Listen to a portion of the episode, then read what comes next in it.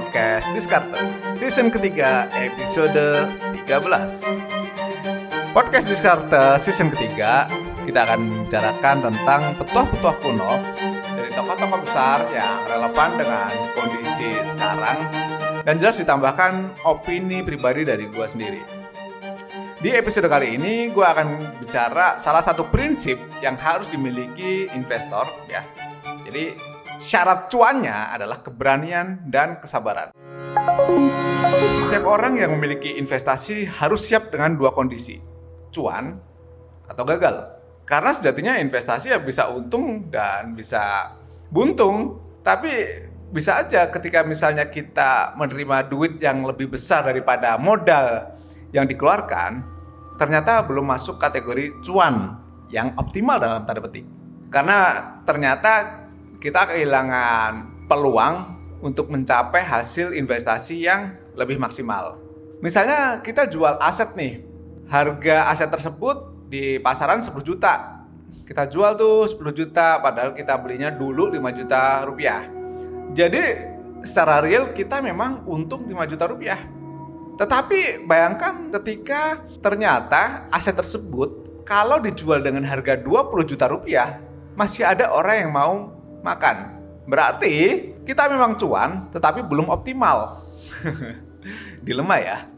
Dalam konteks ini gue mau belajar dari pendiri Google yaitu Larry Page dan Sergey Brin. Kedua orang itu mendirikan Google sebagai platform mesin pencarian pada tahun 1998. Setelahnya, Google terus berkembang di bawah induk usaha Alphabet dan melakukan ekspansi bisnis ke berbagai platform digital. Pada tahun 2021, kapitalisasi Mbah Google itu udah mencapai 2 triliun dolar dengan jumlah revenue 200-an miliar dolar.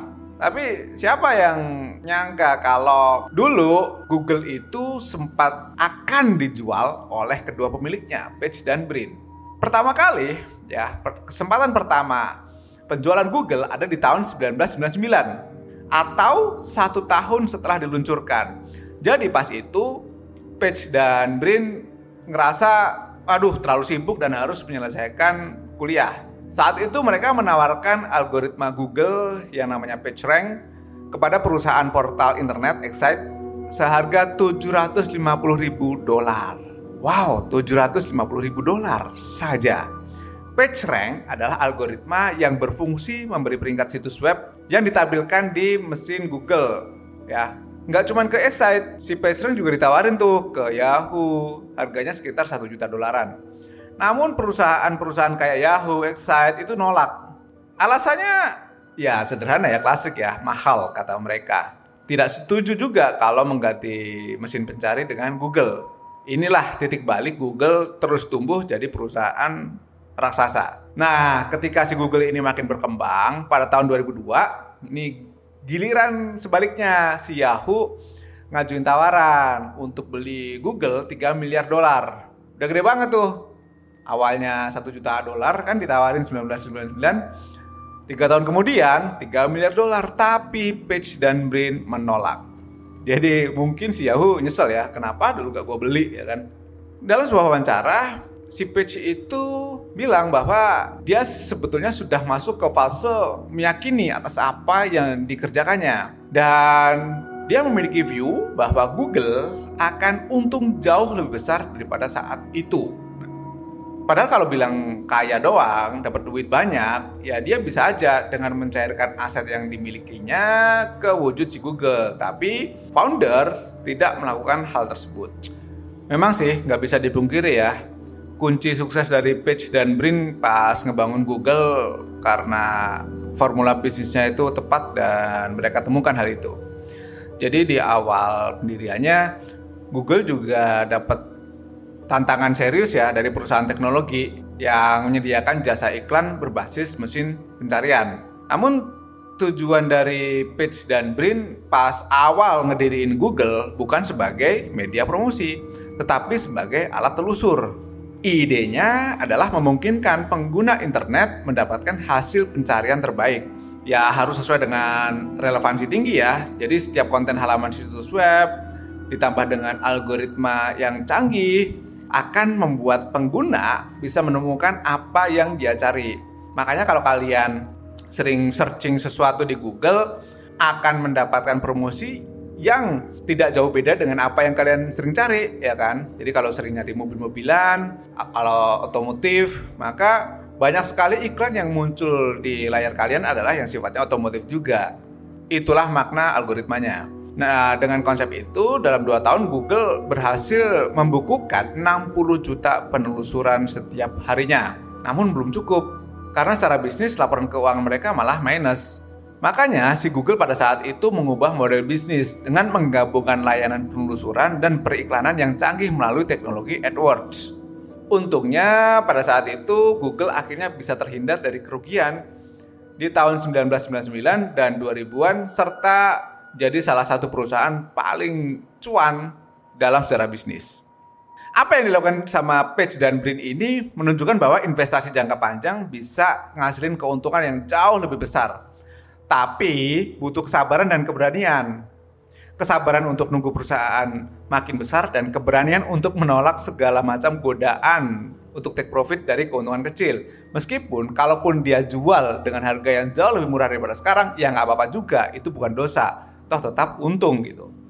Dari apa yang telah dia lalui, gue belajar bahwa ada beberapa hal yang harus diperhatikan investor dan pebisnis jangka panjang. Yang pertama adalah kita harus memahami nih value perusahaan kita sendiri. Page dan Brin sadar bahwa teknologi akan menjadi tulang punggung berbagai industri. Makanya ketika datang tawaran dari Yahoo untuk mengakuisisi, dia nolak dan milih untuk ngembangin si Google. Ini juga selaras dengan dia punya knowledge kan. Dia tahu bagaimana teknologi bekerja, dia tahu bagaimana membuat algoritma yang oke, dia tahu bahwa perusahaannya terlalu murah kalau dijual dengan harga sekian miliar dolar. Dia pasti minta yang jauh lebih mahal. Prinsip ini yang mendasari Page berani mengakui sisi Android pada tahun 2005 karena yakin Android bisa membantu perusahaan membuat terobosan di pasar handphone perangkat seluler.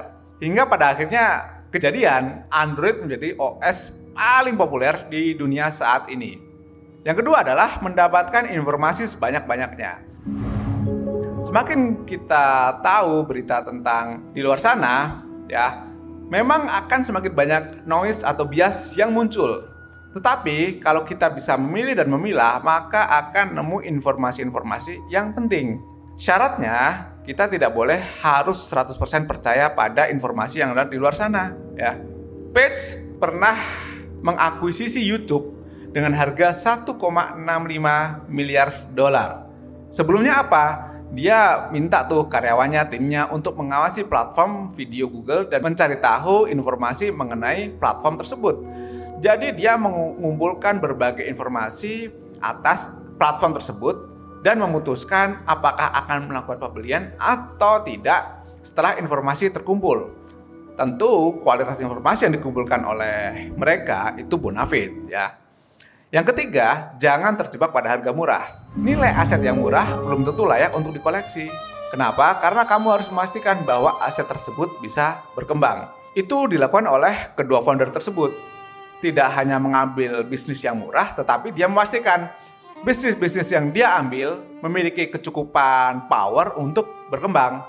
Ya tentu kalau mau jadi entrepreneur yang oke kayak mereka pasti jauh banget ya. Tetapi pelajaran yang bisa kita dapat, kita harus fokus, konsisten pada strategi investasi yang sudah dibuat.